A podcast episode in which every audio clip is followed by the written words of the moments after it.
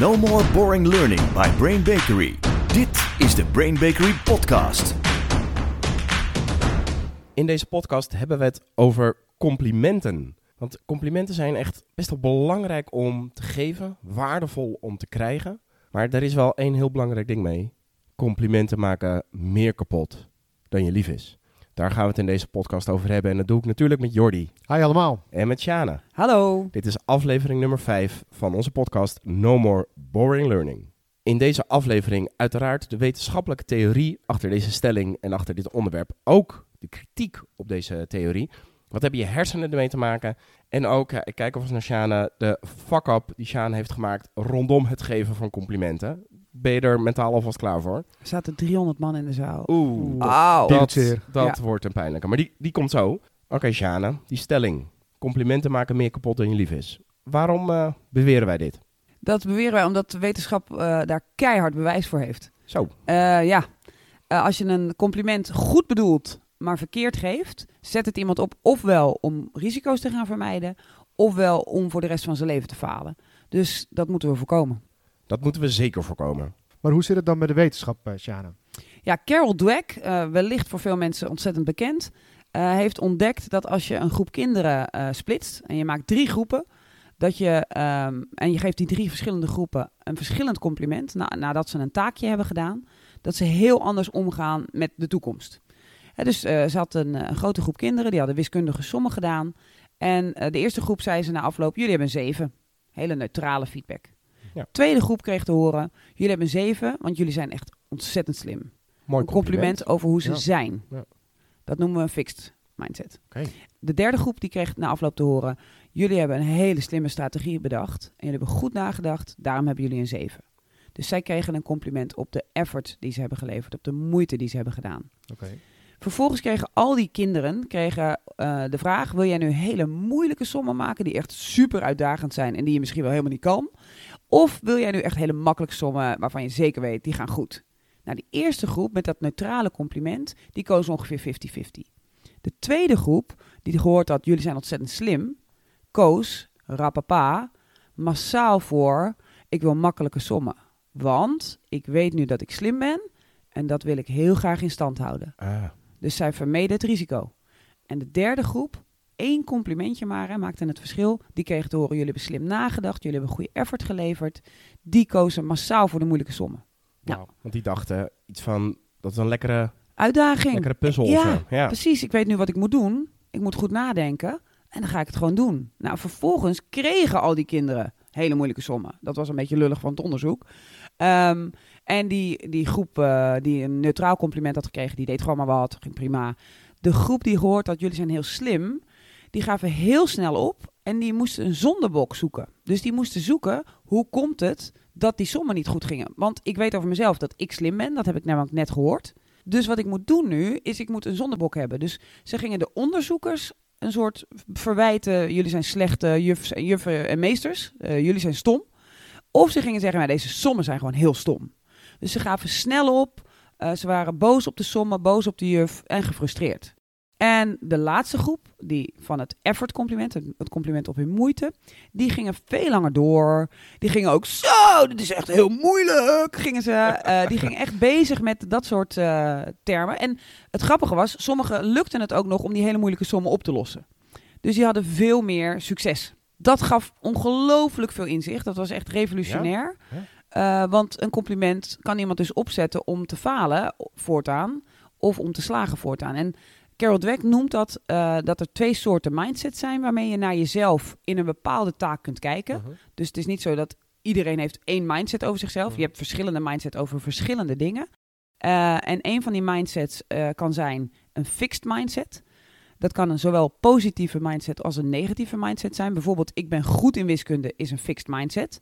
Maar ik ben slecht in wiskunde is een, ook een fixed mindset. En die fixed mindset die zorgt dat de uitkomst van jouw leven rondom wiskunde reeds bepaald is. Ah.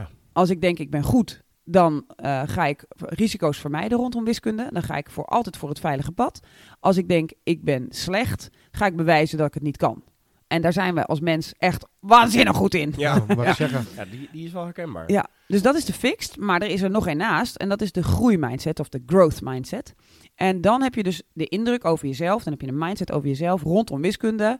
Als ik slim nadenk, dan denk ik dat ik het wel kan leren. Dus dan denk je, als ik goede strategie toepas, als ik slim oefen, als ik mezelf goed uitdaag, als ik bepaalde methodes gebruik, dan kom ik er wel. En dat geeft een heel ander beeld van jezelf Ja. op het gebied van wiskunde. Ja. En de kansen dat je er goed in wordt en blijft, zijn veel groter. Ja, dat vind ik wel. Wat ik vooral wel fascinerend vind hieraan is dat wat je zegt bij die fixed mindset, is dat je dus ook een fixed mindset kan hebben die eigenlijk positief over jezelf is. Juist, Dus je- Dus ook als jij van jezelf denkt, hier ben ik goed in, is dat een fixed mindset en, en ben je jezelf eerder aan het benadelen dan aan het, aan het sterker maken. Klopt dat? 100%. Ja. Ja, dus ik ben hier goed in. Zorg ervoor dat je risico's gaat vermijden. En dat als het tegen zit, dat je niet denkt, wat kan ik anders doen? Maar dat je denkt, het ligt aan de omstandigheden, die zijn fout. Als iedereen mij nou maar begreep, dan zou het wel goed komen. Oké, dus iedereen heeft op elk moment in zijn leven over van alles onbewust een mindset. En dat kan dus een fixed mindset zijn. En die fixed mindset is of positief of negatief. Of je hebt een groeimindset. En eigenlijk alleen maar bij die groeimindset, de naam zegt het al, ben je aan het groeien. Juist. Ja. Dat is hem, hè? Ja, en, maar wat heeft het dan te maken met eh, die compliment? Wil je dat eens uitleggen, Sjana? Ja, dus onze ouders, eh, onze juffen en meesters, maar ook onze leidinggevenden en collega's, die geven ons complimenten. Die Ja. zeggen dingen tegen ons. En als er dus vaak dingen worden, tegen jou worden gezegd, zeker als ze in je jeugd voorkomen, eh, die jouw mindset fixed maken, dan eh, heb je heel weinig kans om daar ooit nog bovenuit te stijgen. Hè, dus, dus een van de voorbeelden is als jij veel te horen hebt gekregen, jij bent niet goed in wiskunde, dan, en mama was dat ook niet, en papa had ook geen, eh, geen rekenknobbel, dan weet jij dat je waarschijnlijk nooit iets met wiskunde gaat doen. Omdat je een mindset wordt, oké, dat kan ik dus niet. En het erge is, wij gaan dat bewijzen als mens. Ja, ik, ik herken dat wel uit mijn eigen leven. Want eh, in mijn hele familie, eh, wij hadden op school, toen ik nog op de middelbare school zat, kon je ik maar zeggen, de alfa en de beta kant eh, Juist. kiezen. En wij kozen allemaal de alfa kant. En dat werd dus ook aan tafel, het avondeten, werd dat bevestigd. Ja, wij zijn, wij zijn, Wij zijn de alfa alfa's. familie. Wij zijn de taal, de taalfamilie. en wij zijn dus niet goed in wiskunde en in economie. Ja. En ja, ik, ik ben er op dit moment ook niet goed in. Maar dat was echt, dat was bij ons het ding. Wij Juist. zijn niet goed in wiskunde en economie. Als je en kijkt wel naar, die- in. naar de opzet van zo'n school en de opzet van veel schoolsystemen, gaan er ook vanuit de linker hersenhelft, de rechter hersenhelft. Eh, we weten zeker dat alfa's bestaan en beta's bestaan en meer wiskundige mensen, meer talenmensen. Ja. Maar dat is allemaal een fabeltje volgens Carol Dweck. Wauw. Dat is niet waar? Nee. Ja, dus als je naar de hersenen gaat kijken en de wetenschap in de hersenen, over de hersenen, dan zie je dat er nog nooit iemand is geweest die een schedel heeft gelicht van aan een overleden iemand. Die daarin heeft gekeken en heeft gezegd, oeh, duidelijk, heel goed in taal en slecht in wiskunde. En dat is complete onzin. Dat Ja. is niet te doen. Er, is niet een, er bestaat niet een talenknobbel. Eh, maar dat hebben we allemaal meegekregen van vroeger. Dus Ja. wij geloven daarin. Als je naar de hersenen gaat kijken, dan zie je dat een gezond brein gemiddeld, dat denken we op dit moment, hè, we weten nog heel weinig van de hersenen, maar wat we wel weten is dat er een gezond brein heeft zo'n 68 miljard hersencellen. Bam. Bam! Zo. En wat is dan leren? Nou, leren is het aanleggen van connecties in de hersenen. Dus eh, hoeveel connecties kan dan één van die 68 miljard maken met een ander, waardoor je dus aan het leren bent? Nou, dat blijkt echt ongelooflijk te zijn. Eén neuron kan 200.000 connecties maken. Zo. Dus dat apparaat wat wij allemaal in ons hoofd hebben onder de hersenpan, dat is zo ongelooflijk sterk. Dat beweringen doen daarover, over wat je kan en wat je niet kan, dat is gewoon heel gevaarlijk. Ja. Eh, en, en Carol Dweck zegt dan ook, als je maar een groeimindset hebt, dan is er geen stoppen aan jouw hersenen. Dan kun jij in principe alles leren. Als je je goed inspant, als je goed nadenkt, als je moeilijk oefent, dan kun je resultaten halen die echt ongekend zijn. En ze zegt, zodra je een fixed mindset hebt, ga je bewijzen dat die fixed mindset klopt. Hè, dus als ik een, een, een aantal sommen ga maken denkend, ik ben niet goed in wiskunde, nou, dan gaat het ook bewezen worden. Dus ook al bedoel je het als trainer of als leidinggevende supergoed. En je geeft complimenten aan je deelnemer of aan je medewerker, dan kun je ze toch echt benadelen. Ja, dus is het ontzettend lastig om complimenten te geven. Goede complimenten zijn ongelooflijk lastig. Ja. Ja. Ja, dus, dus aan het einde van deze podcast hebben we natuurlijk onze brain snack weer. En daarin geven wij vier voorbeelden van hoe je echt goede complimenten geeft. En natuurlijk ook hoe je ze helemaal fout geeft. Terwijl je het altijd goed bedoeld. Dat altijd goed Ja, bedoeld. dat is het enge. Ja. Want je denkt, ik doe iets goeds. Want we geven natuurlijk niet vaak complimenten. Dan doe je het een keer. En dan blijkt het ook nog een complete fuck-up te zijn. Er is ook kritiek op deze theorie.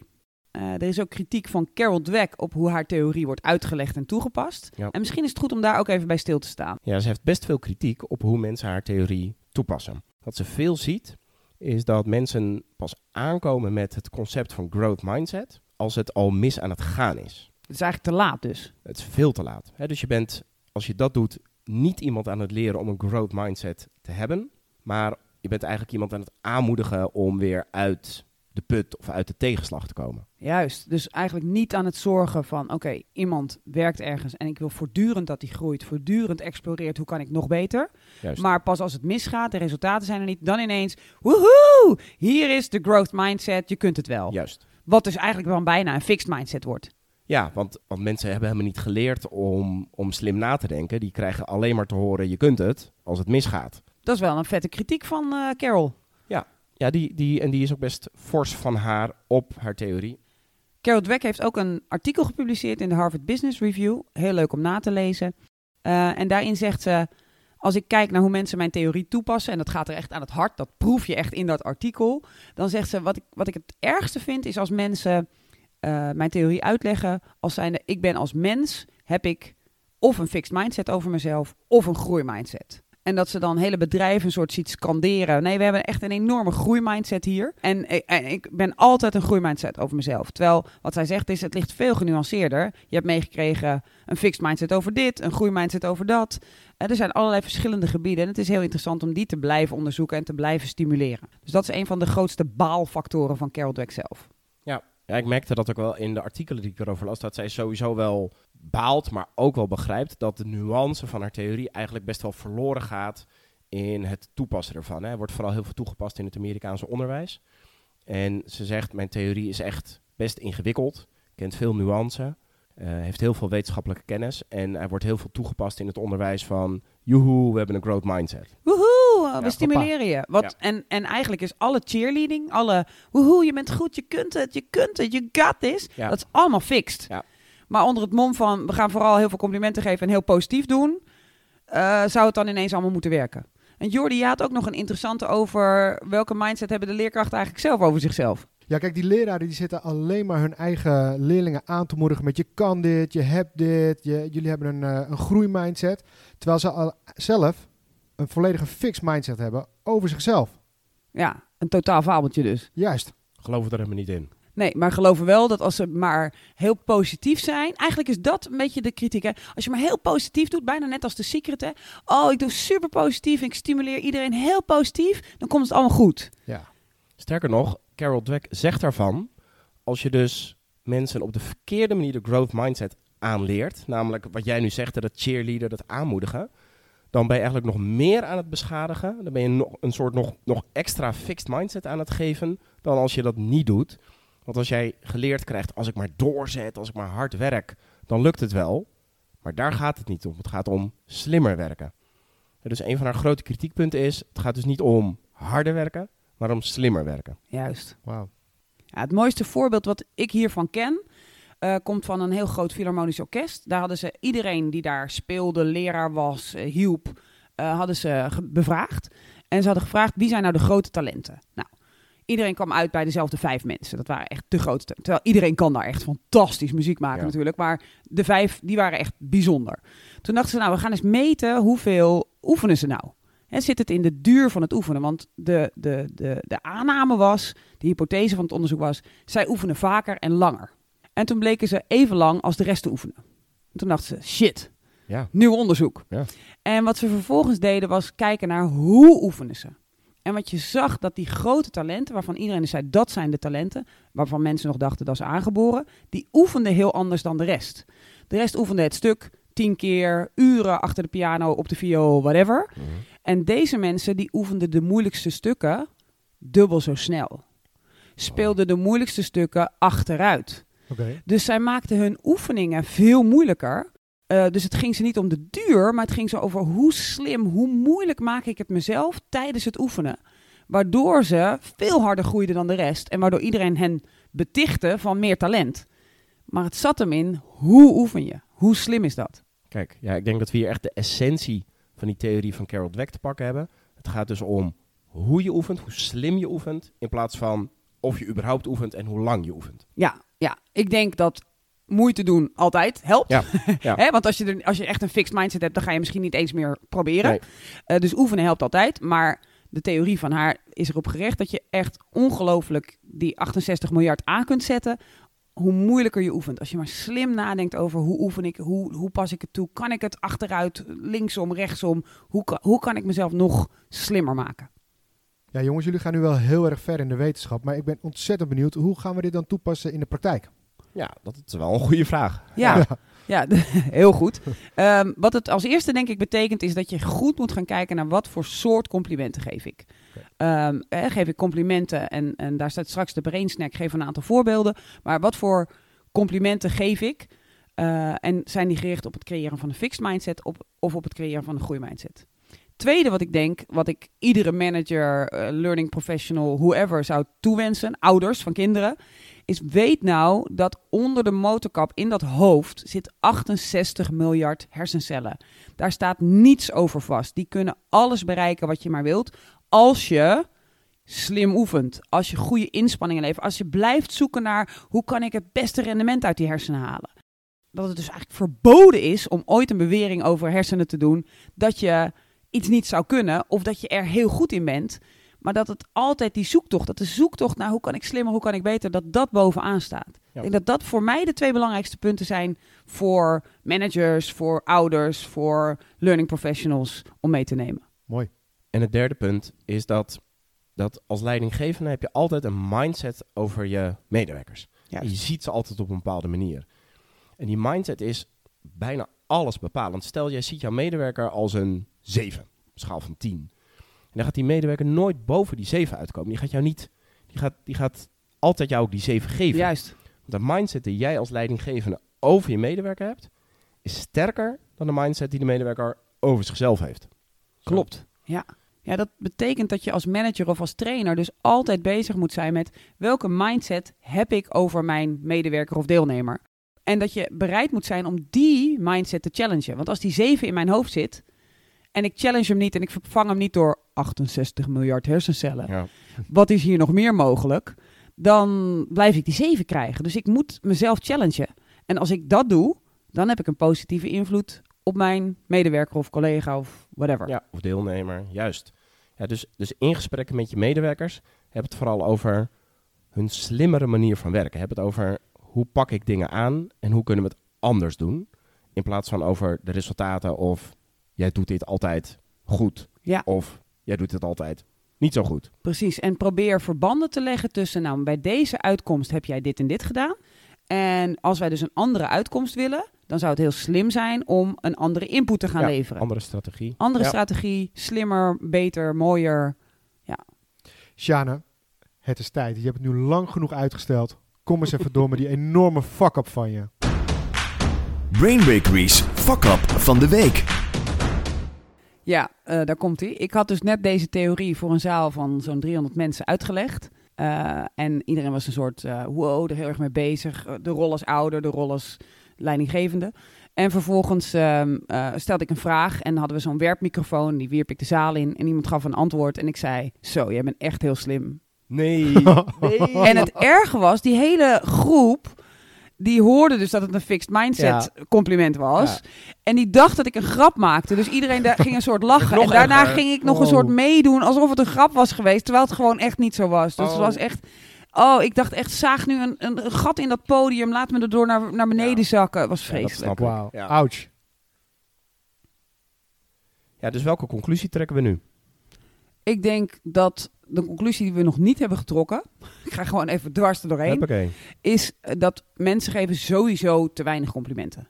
Ja. Hè, dus ik denk dat, dat we in Nederland, maar ja, overal waar ik kom ook, dat we een soort doen van, nou ja, je krijgt hiervoor betaald. Dus waarom zou ik nog zeggen dat het goed is ook? Ik denk dat we veel te weinig met ons hard werken en echt zeggen, wauw, wat lekker. Hè, dat, dat, dat, dat dat sowieso meer kan. Da- Ja. We hebben niet voor niets een Nationale Complimentendag. Die is ook echt heel hard nodig. Ja. En laten we het vooral niet op die ene dag alleen doen. Maar dat is een soort bezijdende conclusie. Ja, maar Dus- ik denk wel een hele terechte. Ja. En de andere conclusie is, als je dan complimenten geeft, geef dan goede complimenten. Doe dan echt even je huiswerk, want complimenten maken echt meer kapot dan je lief is. We gaan jullie natuurlijk niet achterlaten zonder een paar goede voorbeelden, dus hier is onze brain snack. Brain Bakery Brain Snack. Er komen nu vier voorbeelden van een fixed en telkens een growth compliment.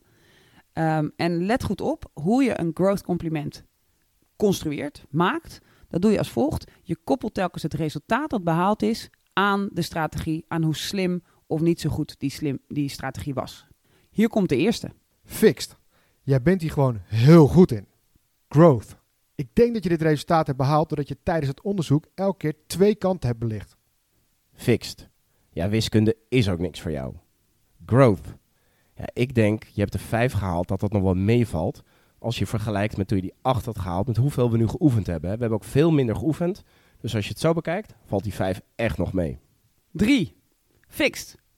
Lekkere presentatie. Zag je hoe blij die klant was? Jij bent hier ook zo goed in. Growth. Je hebt de klant volgens mij heel goed overtuigd omdat je echt diep bent gegaan in je onderzoek. En je antwoordt op, hard op al zijn vragen. Fixed. Die 8 die jij hebt gehaald voor Frans, ja, je hebt natuurlijk een talenknop, dus logisch dat je die gehaald hebt. Growth. Je kunt zien dat de flashcards waar je gisteren mee hebt geoefend, dat die helpen en daarom heb jij die 8 gehaald. We gaan afronden. Wat gaan we volgende week doen? Volgende week hebben wij eh, weer een gast. En die gast hebben we nu al heel veel zin in. Sjane, wie is er volgende keer bij ons? Het is iemand met wie ik heel graag samenwerk. Hij komt van eh, ING Bank. En eh, het is Pieter van der Werf. En we gaan met hem naar de toekomst kijken en naar de praktijk. Kijk, dat wordt een fantastische, eh, fantastische podcast, denk ik. Ja, dus wij willen eindigen met de oproep aan jullie allemaal. Geef natuurlijk meer complimenten. En als je ze geeft, geef ze dan op de growth mindset. Dus ja, Jordi en uh, Sjaan, ik heb voor jullie ook een compliment. Ik vind dat jullie echt goed onderzoek hebben gedaan. Je echt goed hebben voorbereid op deze podcast. Daardoor is het volgens mij een hele mooie aflevering geworden. Dus complimenten daarvoor. Dankjewel. JP, ik heb voor jou echt een compliment ook. Wat ben jij ontzettend goede host. Het zit gewoon in je bloed. Dit was No More Boring Learning, aflevering 5. Tot de volgende keer. No more boring learning. Dit was de Brain Bakery podcast. Wil je meer weten? Kijk dan op brainbakery.com of volg ons op onze socials.